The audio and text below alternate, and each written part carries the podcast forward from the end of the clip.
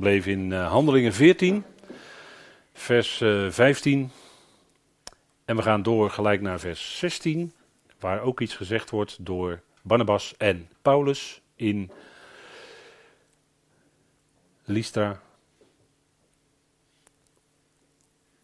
Hij heeft in de voorbijgegane tijden, dus God, al de natieën hun eigen wegen laten gaan. Dus God liet ze gaan, hè, in zekere zin.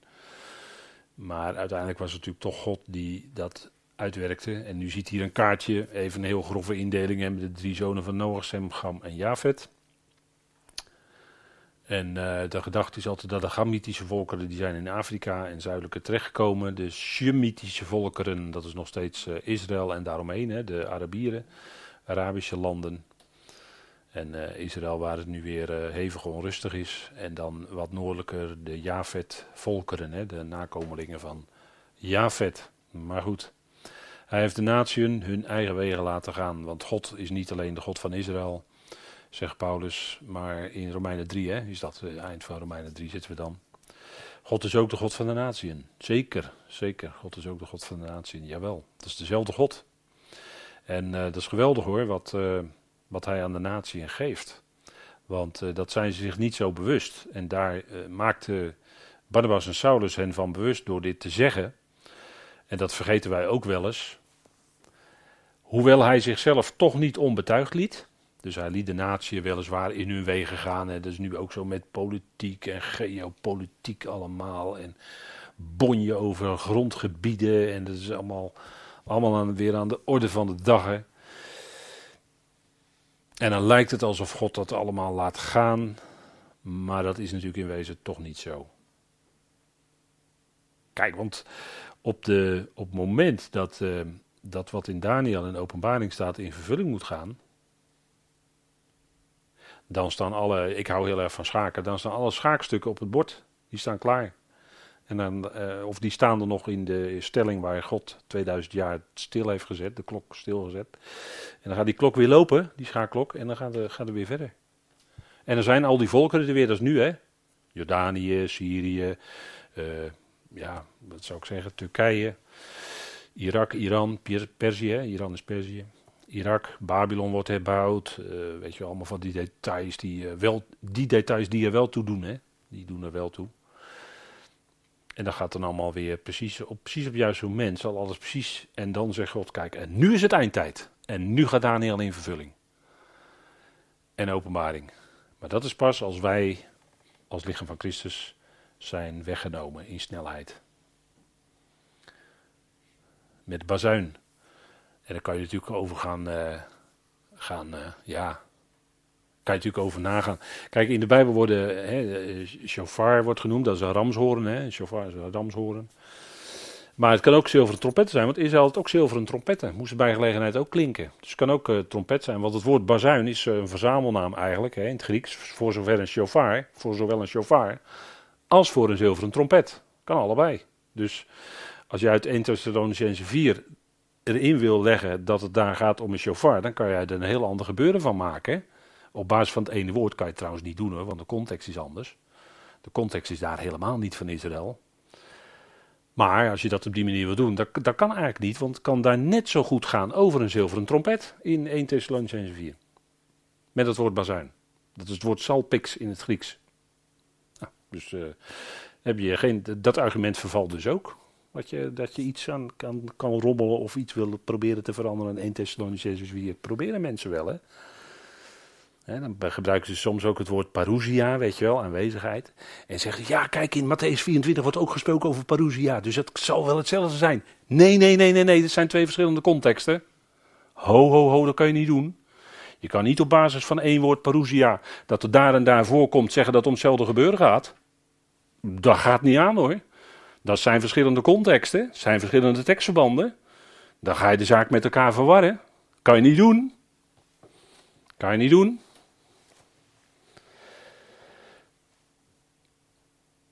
Maar God heeft zich toch niet onbetuigd gelaten. Hè? Hij liet die natieën hun gang gaan. En dat lijkt in deze tijd ook zo te zijn.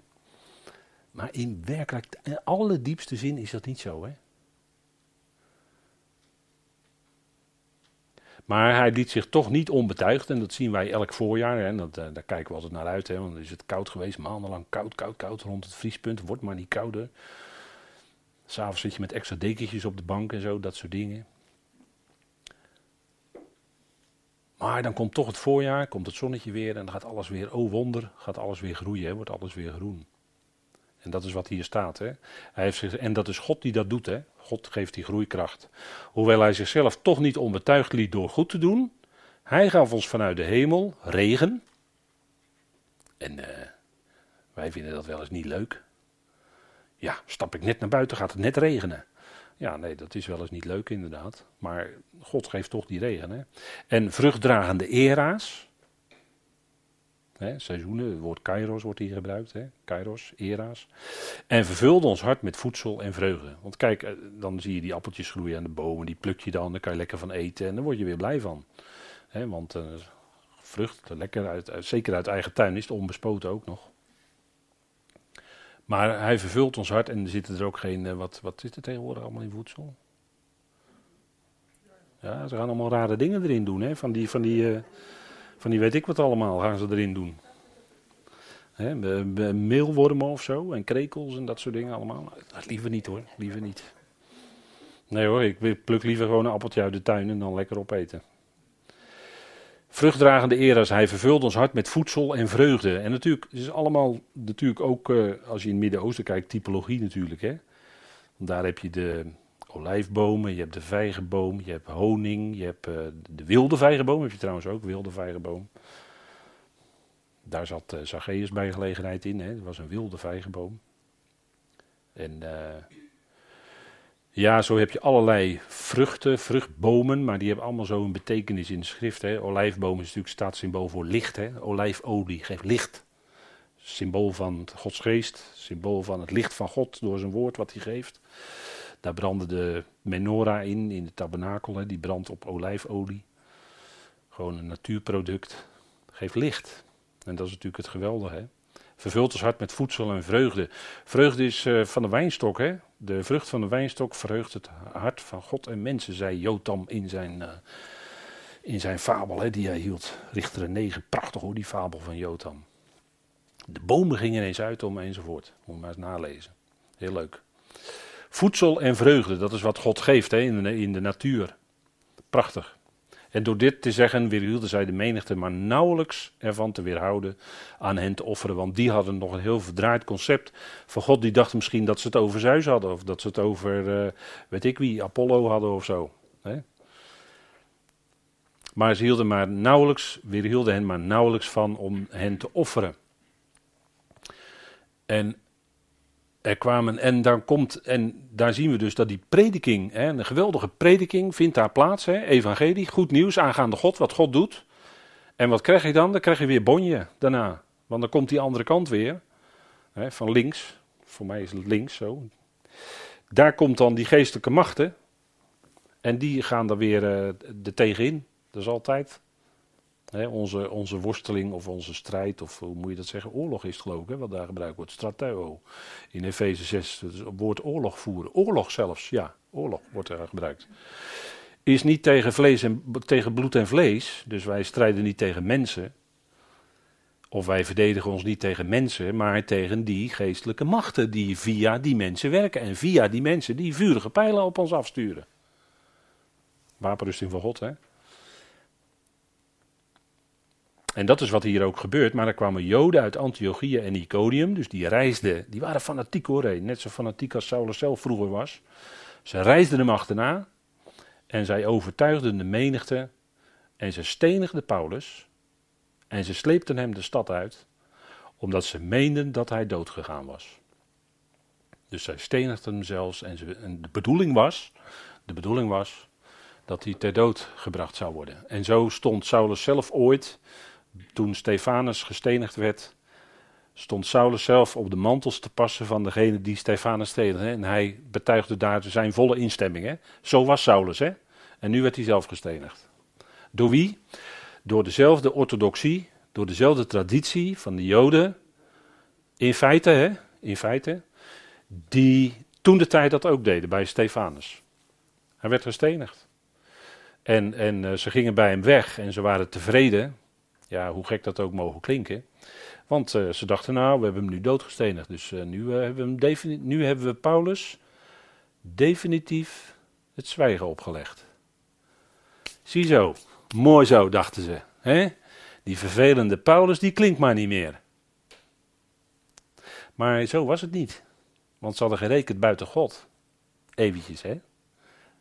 In hun orthodoxie meenden zij God te vereren. Maar u ziet dat ze hier uh, een van de tien geboden die ze zo goed kenden overtreden. Gij zult niet doodslaan. En wat deden zij? Zij stenigden Paulus. Ze overtraden hun eigen wet notabene. Dus als het daarover gaat, dan kunnen we nog wel even een, een exercitie nemen. Hè?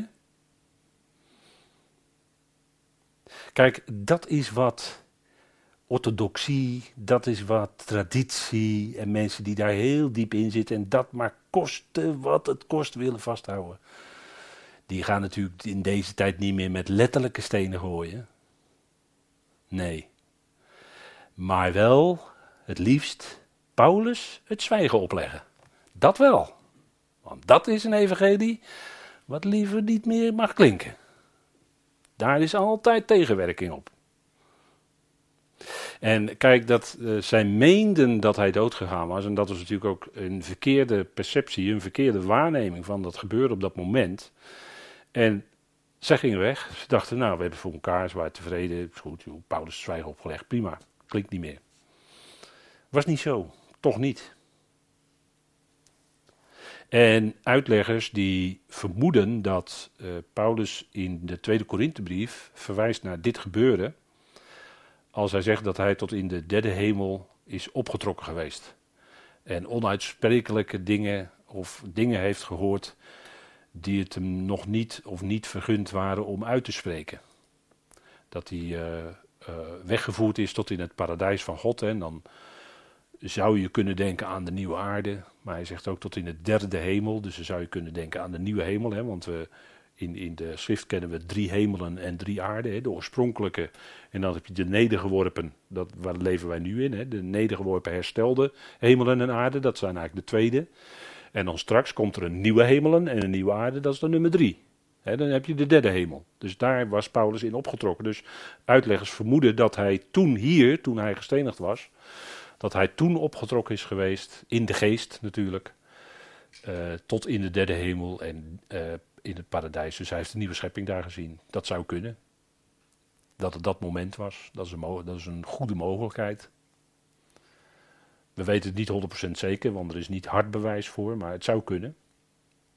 En uh, dat daarna het ook voor de, eh, de apostel Paulus, wat hij geestelijk al besefte, maar wat door dit gebeuren nog eens heel, heel duidelijk onderstreept werd, is dat hij vanaf dat moment ja, echt leefde als, een, als was hij opgestaan uit de doden, inderdaad. Ja. Natuurlijk was dat eh, geestelijk voor hem al een feit. Maar hier was het wel haast letterlijk, hè? Wel haast letterlijk. Maar toen de discipelen hem omringd hadden, want hij had toch nog mensen die met hem meegingen en om hem heen stonden, hè, Paulus. Toen de discipelen hem omringd hadden, stond hij op en ging de stad in. En de volgende ochtend vertrok hij met Barnabas naar Derbe. Dus uh, het was natuurlijk wel hoog tijd om dan uit Lystra te vertrekken, gezien de haat, de enorme haat en de vijandschap, want dat was het natuurlijk, hè. Die tot uiting kwam in het stenen gooien. De haat, de afwijzing, de vijandschap, het weerspannige, hoe moet je het allemaal zeggen? Dat was daar. En uh, ze vertrokken naar Derbe. En dan met Barnabas.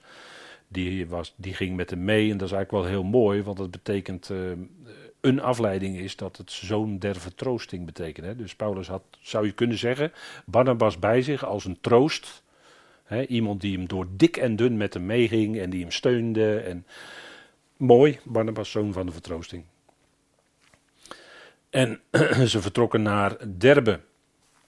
En nadat zij aan die stad het evangelie verkondigd hadden, vers 21, en veel discipelen gemaakt hadden, keerden zij terug naar Lystra, Iconium en Antiochië. Dus ze gingen terug om de gelovigen, die nog maar kerstvers gelovig waren, te bemoedigen.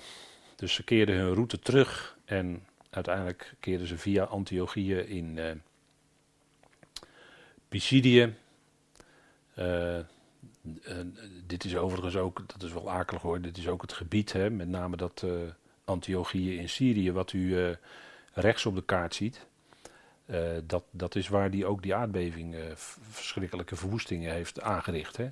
Daar praten ze nu over Antakya, maar dat is eigenlijk Antiochië. Dat is daar ook. En natuurlijk een deel van Turkije langs die uh, breuklijn, weet u wel. Die, die breuklijn die er loopt. De Syrisch, uh, hoe noem je dat? Ik weet niet zeker of dat hem is hoor. De Syrische Afrikaanse slenk. Die zo naar boven toe loopt. En waar de Olijfberg straks ook, weet u wel. Zacharia. Maar in dat gebied waren ze dus. En zij gingen terug om de discipelen. Ze hadden veel discipelen gemaakt. U ziet dus, er was veel mensen waren gelovig geworden. Waren, hadden zich omgekeerd naar de levende God. En dat bracht natuurlijk die enorme weerstand en de steniging enzovoort teweeg. Dat is altijd. Hè, als het woord doorgaat en de, de, mensen blijken het fijn te vinden, belangstelling te hebben. woord gaat door, gaat verder. Dan is er altijd ook aan de andere kant weerstand. Hè? Dat is nou helemaal zo. En de zielen van de discipelen verstevigend, want dat hebben zeker ook jonge gelovigen, jonggelovigen, pasgelovigen nodig. Dat hun ziel, dat ze ook in de ziel verstevigd worden. En dat gebeurt natuurlijk door het gesproken woord, maar ook door bemoediging dat je met elkaar bent en, en aansprekend in het geloof te blijven. En ze zeiden: Door veel verdrukkingen moeten wij ingaan in het koninkrijk van God. En uh, voor de hoorders die dit hoorden, kon het maar één, dit maar één betekenis hebben: het koninkrijk van God. Dat zou het aardse koninkrijk zijn wat zou aanbreken. Want uh, de eerste Thessalonicense brief was nog lang niet geschreven hier. Hè? Dat is pas na Handelingen 17 wordt die geschreven. En pas dan wordt de verwachting van de bazuin van God bekendgemaakt, waar ik het net over had. Dus dat is hier nog niet aan de orde. En het is ook zo. En aansprekend in het geloof te blijven, dat, dat is ook waar we elkaar in bemoedigen, waar we elkaar in aanspreken. Kijk eens hoe geweldig de schrift en je wijst de, de ander op uh, wat, er, wat er staat geschreven en hoe geweldig dat is en hoe blij je ermee bent. En uh, ja, dat je, dat je daar in je, in je leven, in je geloofsleven heel veel aan hebt. Eigenlijk alles voor je betekent. Nou, zo kan je elkaar ook bemoedigen om te blijven in het geloof. Het gaat om geloof. Dat is het principe van de genade in deze tijd. Hè? Romeinen 4, vers 16 zegt het ook. Geloof, want dat is in overeenstemming met de genade. Genade, geloof is aan de ene kant en werken, een dikke streep doorheen aan de andere kant. Genade, geloof, daar gaat het om. Geloof is geen werk. Geloof is eenvoudig aannemen wat God zegt. En ook dat aannemen wordt je door God, uiteindelijk kom je later achter, geschonken. Dus aansprekend in het geloof te blijven. Want wat is geloof? Geloof is een aanneming, zegt Hebreeën 11 toch? Een aanneming van dat wat verwacht wordt. En een zekere verwachting. Het schept een zekere verwachting van datgene wat staat te komen. En dan zie je dus al die geloofs, geloofsmensen in Hebreeën 11 genoemd worden. En die hebben dan en wat is dan de, overeenkomst? Dat ze allemaal in het geloof hebben geleefd. Geloof. En natuurlijk hebben ze dingen gedaan en dingen gelaten en dat had te maken met hun geloof. Abraham leefde in tenten en hij verwachtte de God die de stad uit de hemel zou geven met fundamenten. Abraham had waarschijnlijk wel hemelse dingen gezien, jazeker. Want hij verwachtte de stad met fundamenten die God zou geven. En in dat geloof, hè, want al die gelovigen die hadden de belofte, maar die hebben tijdens hun leven de vervulling van die belofte niet gezien. Niettemin stierven ze toch in geloof. Dat God het zou geven. En God zal het zo ook geven in de opstanding natuurlijk. Dat is geloof, hè? Dat, is, dat is eigenlijk iets heel wonderlijks hoor. Dat je dingen hoort van God. Dat je dingen leest in de schrift. En dat je zegt van ja, dat geloof ik. Dat is geweldig. En, en anderen, dan lijkt er wel een muur tussen te zitten. Die, die, nee joh, nee joh, Bijbel joh, is een oud boek joh, geloof is helemaal niet meer van deze tijd of is helemaal niet meer modern joh. Waar hou je nee, jij je nou mee bezig joh, een boek wat duizend jaren geleden geschreven is, kom nou toch. Zo praten mensen, maar die mensen zijn verblind. Mensen zijn verblind. Door de, door de tegenstander, die verblindt hun zinnen, dat ze het niet kunnen zien. Dat is, dat is natuurlijk ook zo. Hè? Mensen zijn in duisternis. Daardoor kunnen ze het ook niet zien. En het God zelfs van de Joden, hè? Eh, Johannes 12 staat dat. Hè? Dat, uh, daar gebeurden allerlei dingen. De Heer Jezus ging rond. En, uh, en dan staat er in Johannes 12, ik meen in vers 37 als ik het goed zeg. Er staat, daarom konden zij niet geloven. Ze waren niet bij macht om, geloven, om te geloven. Waarom niet? Nou, omdat, het, omdat de profeet had voorzegd dat ze dat niet zouden kunnen. En daarom gaf God het hen op dat moment ook niet. En, en de Heer Jezus die dankte in Matthäus 11, hè, ik noem maar wat, of in Lucas staat het ook. De Heer Jezus die dankte zijn hemelse vader. Dat hij deze dingen, Jezus deed dat niet zelf hè. Nee, hij dankte zijn vader dat die dat deed. Dat hij deze dingen voor wijzen en verstandigen, dat waren de geestelijke leiders van het volk Israël, wijzen en verstandigen van die dagen, verborgen had. Maar aan kinderen maakt hij het bekend. Aan mensen die als een kind geloven. Alsof, het, hè, alsof je hè, een kind gelooft automatisch wat de ouders tegen, tegen dat kind zeggen. Nou, zo geloven wij God. Vader, zegt u het? Is het zo? Ja, is het zo? Nou, dat geloof ik. Ja, dat u het zegt. En dat is, dat is, dat is die scheidslijn, hè. Kijk, mensen die het niet... Mensen kunnen dat op een gegeven moment ook niet. Omdat daar zit iets tussen. Ze, ze, zijn, ze worden verblind. En, en wij kunnen die verblinding dan niet opheffen. Dat kan alleen God, door zijn geest. Want alleen door geest, hè, door de werking van geest, is er licht. Hè, dat zegt uh, Genesis 1 toch al, die eerste versie, is dat de teaching, de les van de Bijbel, de, de leer van de Bijbel.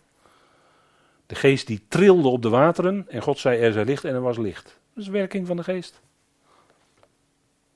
Licht, leven is door het woord. Hè? In het woord was leven. En in het woord is ook licht, zegt Johannes in Johannes 1. Hè? Dat is wat het geeft. Het geeft leven in je. Het geeft licht, zodat je ziet hoe de dingen zitten. Dan worden je ogen geopend. En dat gebeurt ook gebeurt bij mensen die zeggen van ja, maar toen ik deze dingen allemaal hoorde, toen was het alsof de schellen van mijn ogen vielen. Ja, dat is ook zo. Dat is ook zo. Dat je die dingen, en dan geeft God er dat je dat kunt geloven, ja. Dat is natuurlijk geweldig. En, en kijk, dat, dat, die, die zekerheid en die overtuiging, uh, die hebben we niet in onszelf, maar die is, dat is wat God geeft. Want dat, voor de pauze, ja, zeg je tegen elkaar van ja, de, de, deze wereld gaat dan duizend jaar mee. Ja, hoe weet je dat? Hoe weet je dat nou zo zeker? Nou, staat hier, staat geschreven. Dus niet in mezelf, die zekerheid, kom, kom. Mens is van zichzelf maar hoogst onzeker type hoor. En daar zeg ik het nog zacht. Maar het staat hier geschreven. En ja, goed, daar kunnen we op vertrouwen. Het is ook, komt nog duizend jaar, gaat nog duizend jaar mee, die wereld. En, en alles wat tot nu toe, hè, in de afgelopen 40 jaar, wat tot nu toe al als bombardement van berichten de media op ons af is gekomen, heeft dat niet veranderd hoor. Echt niet. Dus hen aansprekend in het geloof te blijven. En natuurlijk met het gebed erachter dat God het zou geven dat ze ook bij dat geloof zouden blijven, natuurlijk. En ze zeiden dat door veel verdrukkingen wij moeten ingaan in het koninkrijk van God. Ja, de weg van een gelovige gaat niet van een lijn dakje. Als je nu lekker aan het skiën bent, dan uh, glij, uh, word je door de skilift je omhoog getrokken en dan glij je lekker van die heuvel of van die berg af. Of die sneeuw gaat allemaal lekker, weet je wel. Zo. Maar geloofsleven gaat niet zo. Echt niet. We maken net zoveel mee als al die andere mensen en misschien nog wel meer omdat er ja, tegenstand van wat je gelooft en uh, word je niet gezien en je wordt genegeerd en je wordt op een zijspoor gezet of je wordt eruit getrapt of ja, weet ik wat er allemaal gestenigd, hè, Paulus hier, handelingen 14.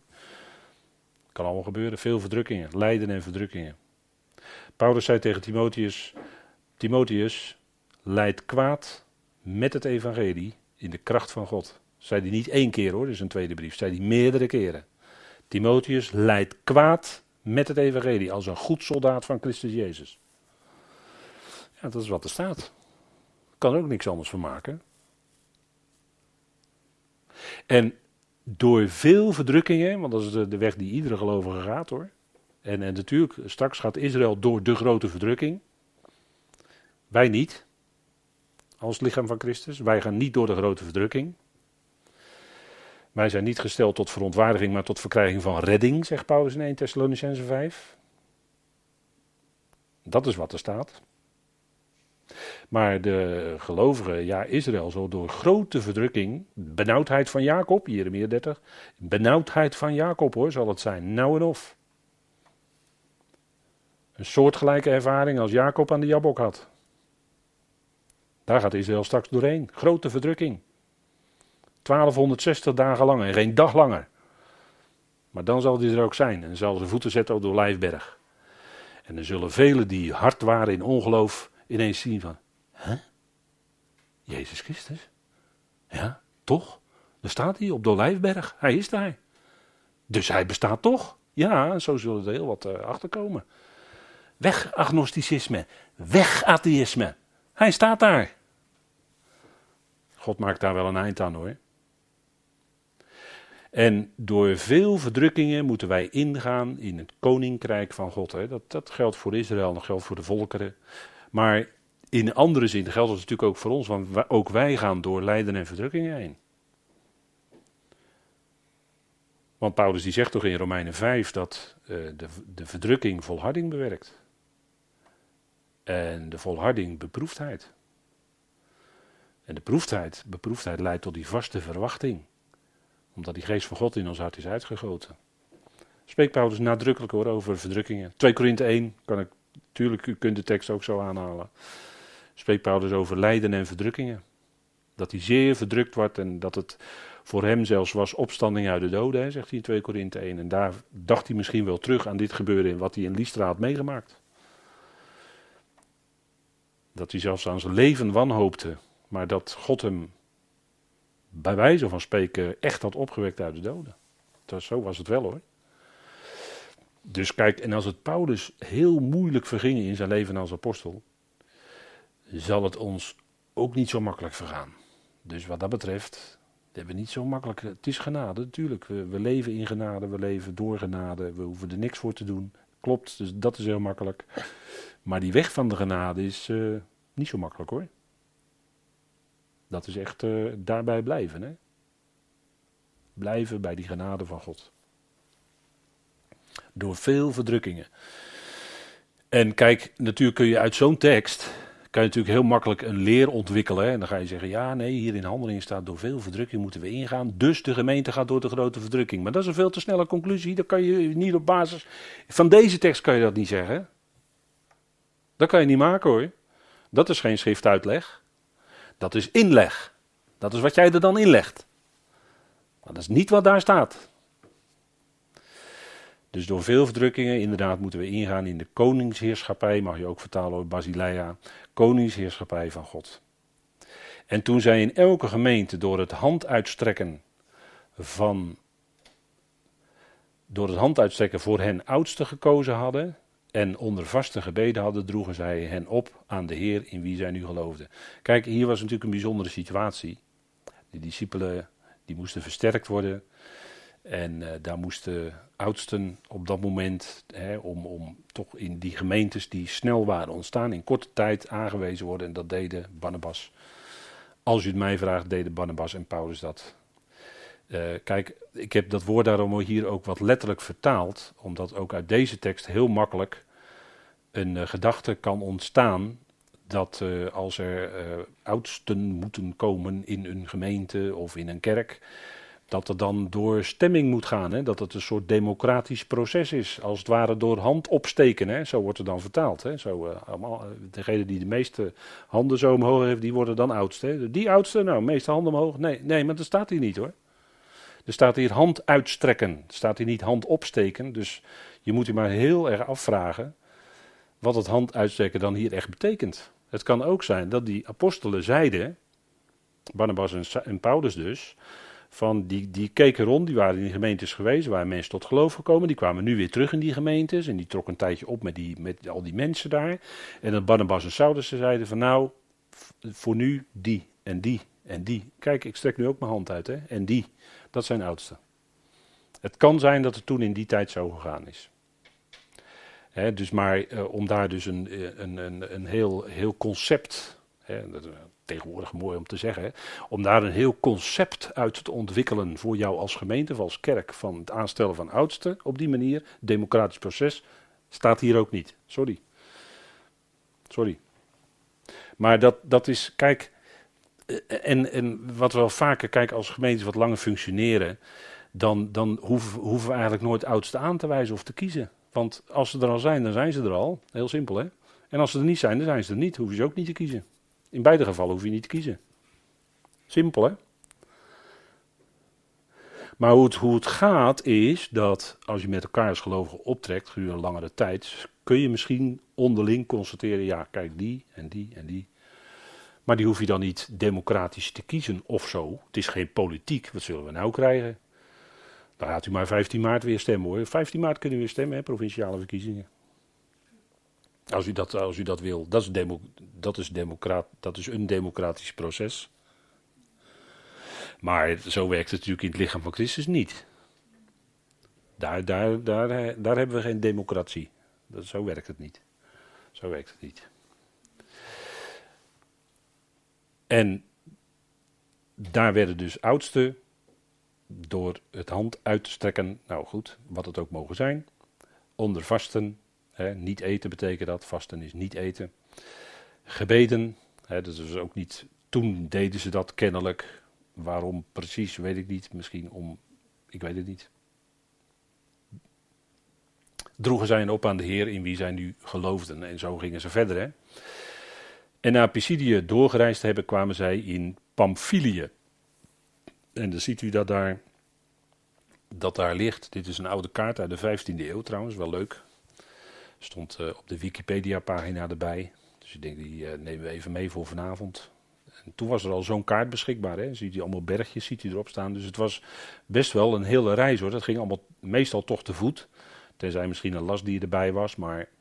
En dat ging dan over bergen heen. Want u ziet hier de bergruggen getekend. Op dat... Uh, Asia Minor werd het toen genoemd. En dan ziet u daar die landstreek Pamphylia. En dan moet je dus wel uh, de bergpassen over. Hè? Dus dat was allemaal niet zo makkelijk hoor in die tijd. Hè, dus er wordt er wel even gezegd zo. En na Pisidië doorgereisd hebben kwamen ze in Pamphylië. Nou dat ging dus heel veel te voet. Dus dat was echt wel flink sandaaltjes uh, verslijt hoor onderweg. Dat uh, ging niet zomaar allemaal.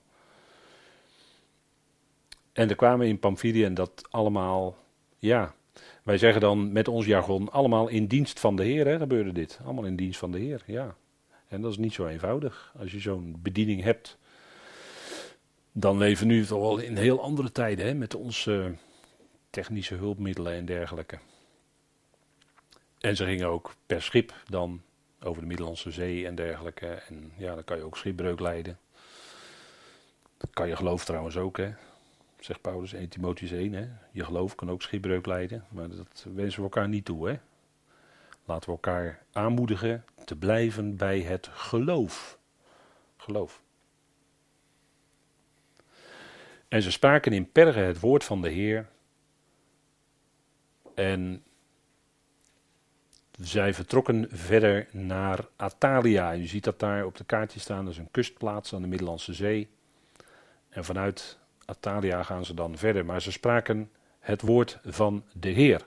En u weet nog misschien wat het onderscheid is? Het woord van de Heer en het woord van God. Het woord van God, die uitdrukking wordt gebruikt als er gesproken wordt in de synagoge, met als basis Tenach. En van, dat van daaruit dan Jezus als de Messias gepredikt wordt. Dan wordt de uitdrukking woord van God gepredikt. En het woord van de Heer is, als er gesproken wordt, het goede nieuws, rechtstreeks zoals Paulus dat mocht brengen aan de natieën. En daar zit dan niet direct een onderbouwing vanuit nacht bij, omdat eenvoudigweg aan de natieën die nacht niet was gegeven. Die was van Israël. Dat is het onderscheid, hè? Maar dat hebben we al in eerdere studies met elkaar gezien. En dit is nog steeds dan de eerste uh, reis die de apostel Paulus maakt. En vandaar voerden zij naar Antiochië, waar ze aan de genade van God overgegeven waren voor het werk dat zij volbracht hadden. Dat was hun vertrek uit Antiochië in Syrië, hebben we dan over. Dat was die gemeente waaruit zij vertrokken. En waar vanuit in Handelingen 13, weet u wel, begin van Handelingen 13, waar de Heilige Geest duidelijk maakte: zondert mij nu af, Barnabas en Saulus, voor het werk waartoe ik hen geroepen heb. Dus het was een duidelijke afzondering door de Heilige Geest van Barnabas en Saulus voor dit werk. Dat was een heel markant punt. Het was niet langer als basis Jeruzalem, maar de basis was Antiochië in Syrië. En daar kwamen ze nu ook bij terug. En ze zouden, en we gaan eh, naar richting handelingen 15. Daar komen we natuurlijk vanavond niet aan toe, maar een volgende keer denk ik. En dan hebben we dat uh, beroemde, of moet ik zeggen het beruchte apostelconvent. Hè, de eerste, de Rooms-Katholieken zouden zeggen het eerste concilie.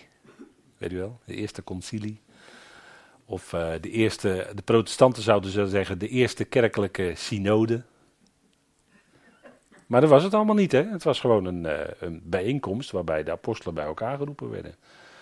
Die tradities daarna, dat is allemaal van een hele andere orde natuurlijk. Toen men al heel lang en heel ver van Paulus afgeweken was. Heel ver. Want toen was Petrus het hoofd van de kerk, werd het hoofd van de kerk. Hè? Hoe, uh, hoe grote misser is dat? Daar vandaan voeren ze naar Antiochië, waar ze aan de genade van God overgegeven waren voor het werk. En God betoonde hen ook genade.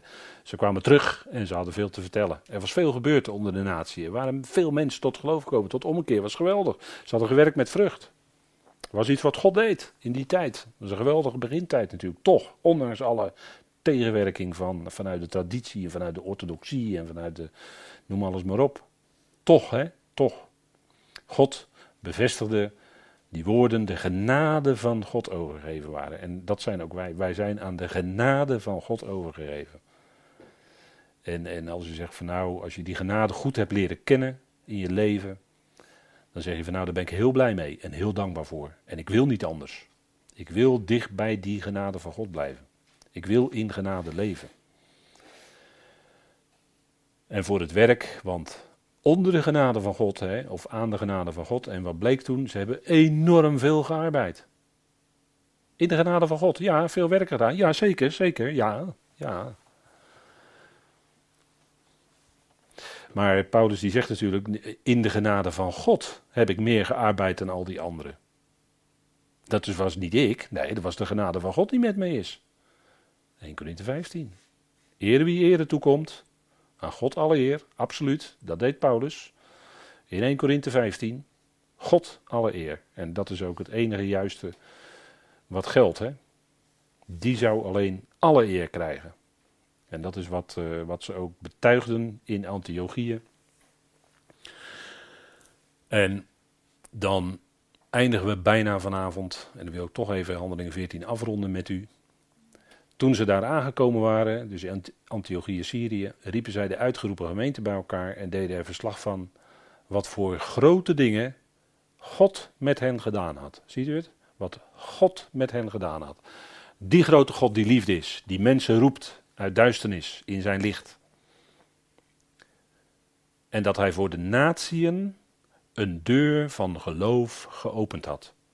Dus een hele belangrijke zin hoor, die hier staat. Hele belangrijke zin die hier staat hoor. Dat heeft grote implicaties. Als u echt uh, gewoon aanvaardt wat hier staat. Dat met die eerste rondgang van uh, Barnabas en, en Paulus, door dat hele gebied en velen waren tot geloof gekomen, grote dingen had God gedaan. En wat zeggen ze hier? Dat hij voor de natieën een deur van geloof geopend had. Wanneer ging dus die deur van geloof open? Door deze bediening die ze net achter de rug hadden. Toen ging die deur van geloof, anders, anders klopt het niet wat hier staat. Hè? Kijk, dat is een kenmerkend verschil met andere uitleg die zegt dat via Petrus bij Cornelius de deur open was gezet. Maar dat is niet zo.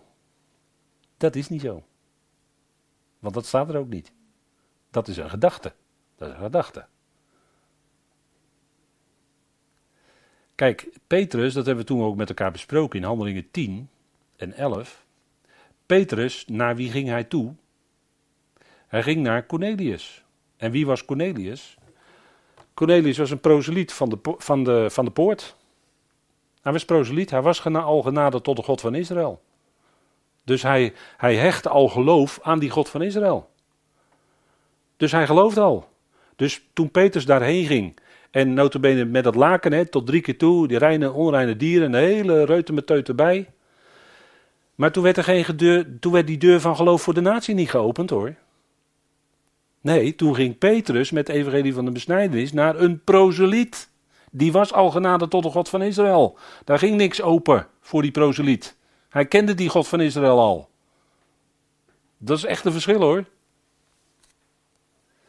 En hier staat dat, dat zij zeggen, vol overtuiging, en dit zijn Barnabas en Paulus hè, die dit zeggen, dat God voor de natieën een deur van geloof heeft opengedaan. Nu pas. Niet in handelingen 10 dus al. En dat heeft consequenties hoor. Dat heeft consequenties. Want dan wil het dus niet zeggen dat eerst Petrus die deur moest openzetten en vervolgens Paulus door die deur kon gaan, want dat is dan de uitleg. Nee, Paulus kreeg een afzonderlijke bediening, vandaar dat er in Handelingen 13 vers 2 staat, de Heilige Geest zei, zondert mij nu af, Barnabas en Saulus. Er was een afzondering, specifiek, nodig. En als jij zegt dat door Petrus bij Cornelius die deur al open was gegaan, dat Paulus er doorging, werd hij in Handelingen 13 dus niet afgezonderd. Dat kan je dan niet meer stellen. Dat klopt dan niet meer. Dat is tegenstrijdig. En het punt is dat hier natuurlijk blijkt dat de apostel Paulus een unieke bediening heeft ten opzichte van Petrus. Ja, dan komen we natuurlijk verder. Petrus met het evangelie van de besnijdenis en Paulus met het evangelie van de onbesnijdenis. Het zijn twee verschillende lijnen in de schrift. Kijk, dat, die liggen daar dus. En, en dat is wat we goed, want dat heeft natuurlijk veel meer, veel diepergaande consequenties. En dat zijn de lijnen die we al van begin af aan van handelingen zien en die we vasthouden. Ja, en laat je die los, dan kom je in verwarring. Want daar ga je zeggen op een gegeven moment, hè, dat wordt dan ook gezegd, dat de Petrus en de andere apostelen die, die horen ook bij het lichaam van Christus, ze krijgen dat soort dingen allemaal. En dan loop je dus vast. Ik zeg u, dan loop je vast in je uitleg. Je, je, kunt, je kan op een gegeven moment niet meer verder.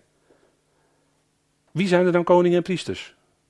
Dat is toch voor Israël? zegt Petrus toch in 1 Petrus 2 vers 9 en 10. Dat zij een koninklijk priesterschap zijn, zegt Petrus toch? Nou, dan kun je toch niet zeggen dat het lichaam van Christus ook koning en priesters zijn? Dat kan toch niet? Dan, dan haal je die lijnen door elkaar, dan ga je het verwarren. En dan zeg je ook dat het lichaam van Christus dus op aarde moet blijven en dus door de grote druk. Krijg je dat soort dingen allemaal. En dan kan je net zo goed die hele, die hele dertien brieven van Paulus wegkieperen, uiteindelijk. Als ik het even helemaal streed doortrek, hè, dan heb je dat helemaal niet meer nodig. Want het is toch allemaal hetzelfde. Nee, Paulus zegt in Romeinen 1, vers 1 dat hij afgezonderd was, hetzelfde woord hè, als in Handelingen 13, dat hij afgezonderd was voor het evangelie van God. Dat zegt hij niet zomaar, dat zijn geen loze woorden hoor. En, en dat is het punt, hè. kijk hier, en dat constateren we dan met vreugde, dat hier voor de natieën een deur van geloof was opengegaan. Hier, en niet eerder. Nou, dat is denk ik wat, wat duidelijk mag zijn. Hè? Mag duidelijk zijn. En dat is natuurlijk geweldig, dat is die unieke bediening die de apostel Paulus heeft. Ja, en zij verblijven daar geen korte tijd met de discipelen. Nou goed, hier sluiten we dan mee af. En eh, we hebben vanavond ook geen korte tijd met elkaar hier doorgebracht. Door, uh, ja, was weer lang, ik weet het. Maar denk toch goed om dat zoals afgerond geheel met elkaar te kunnen overwegen.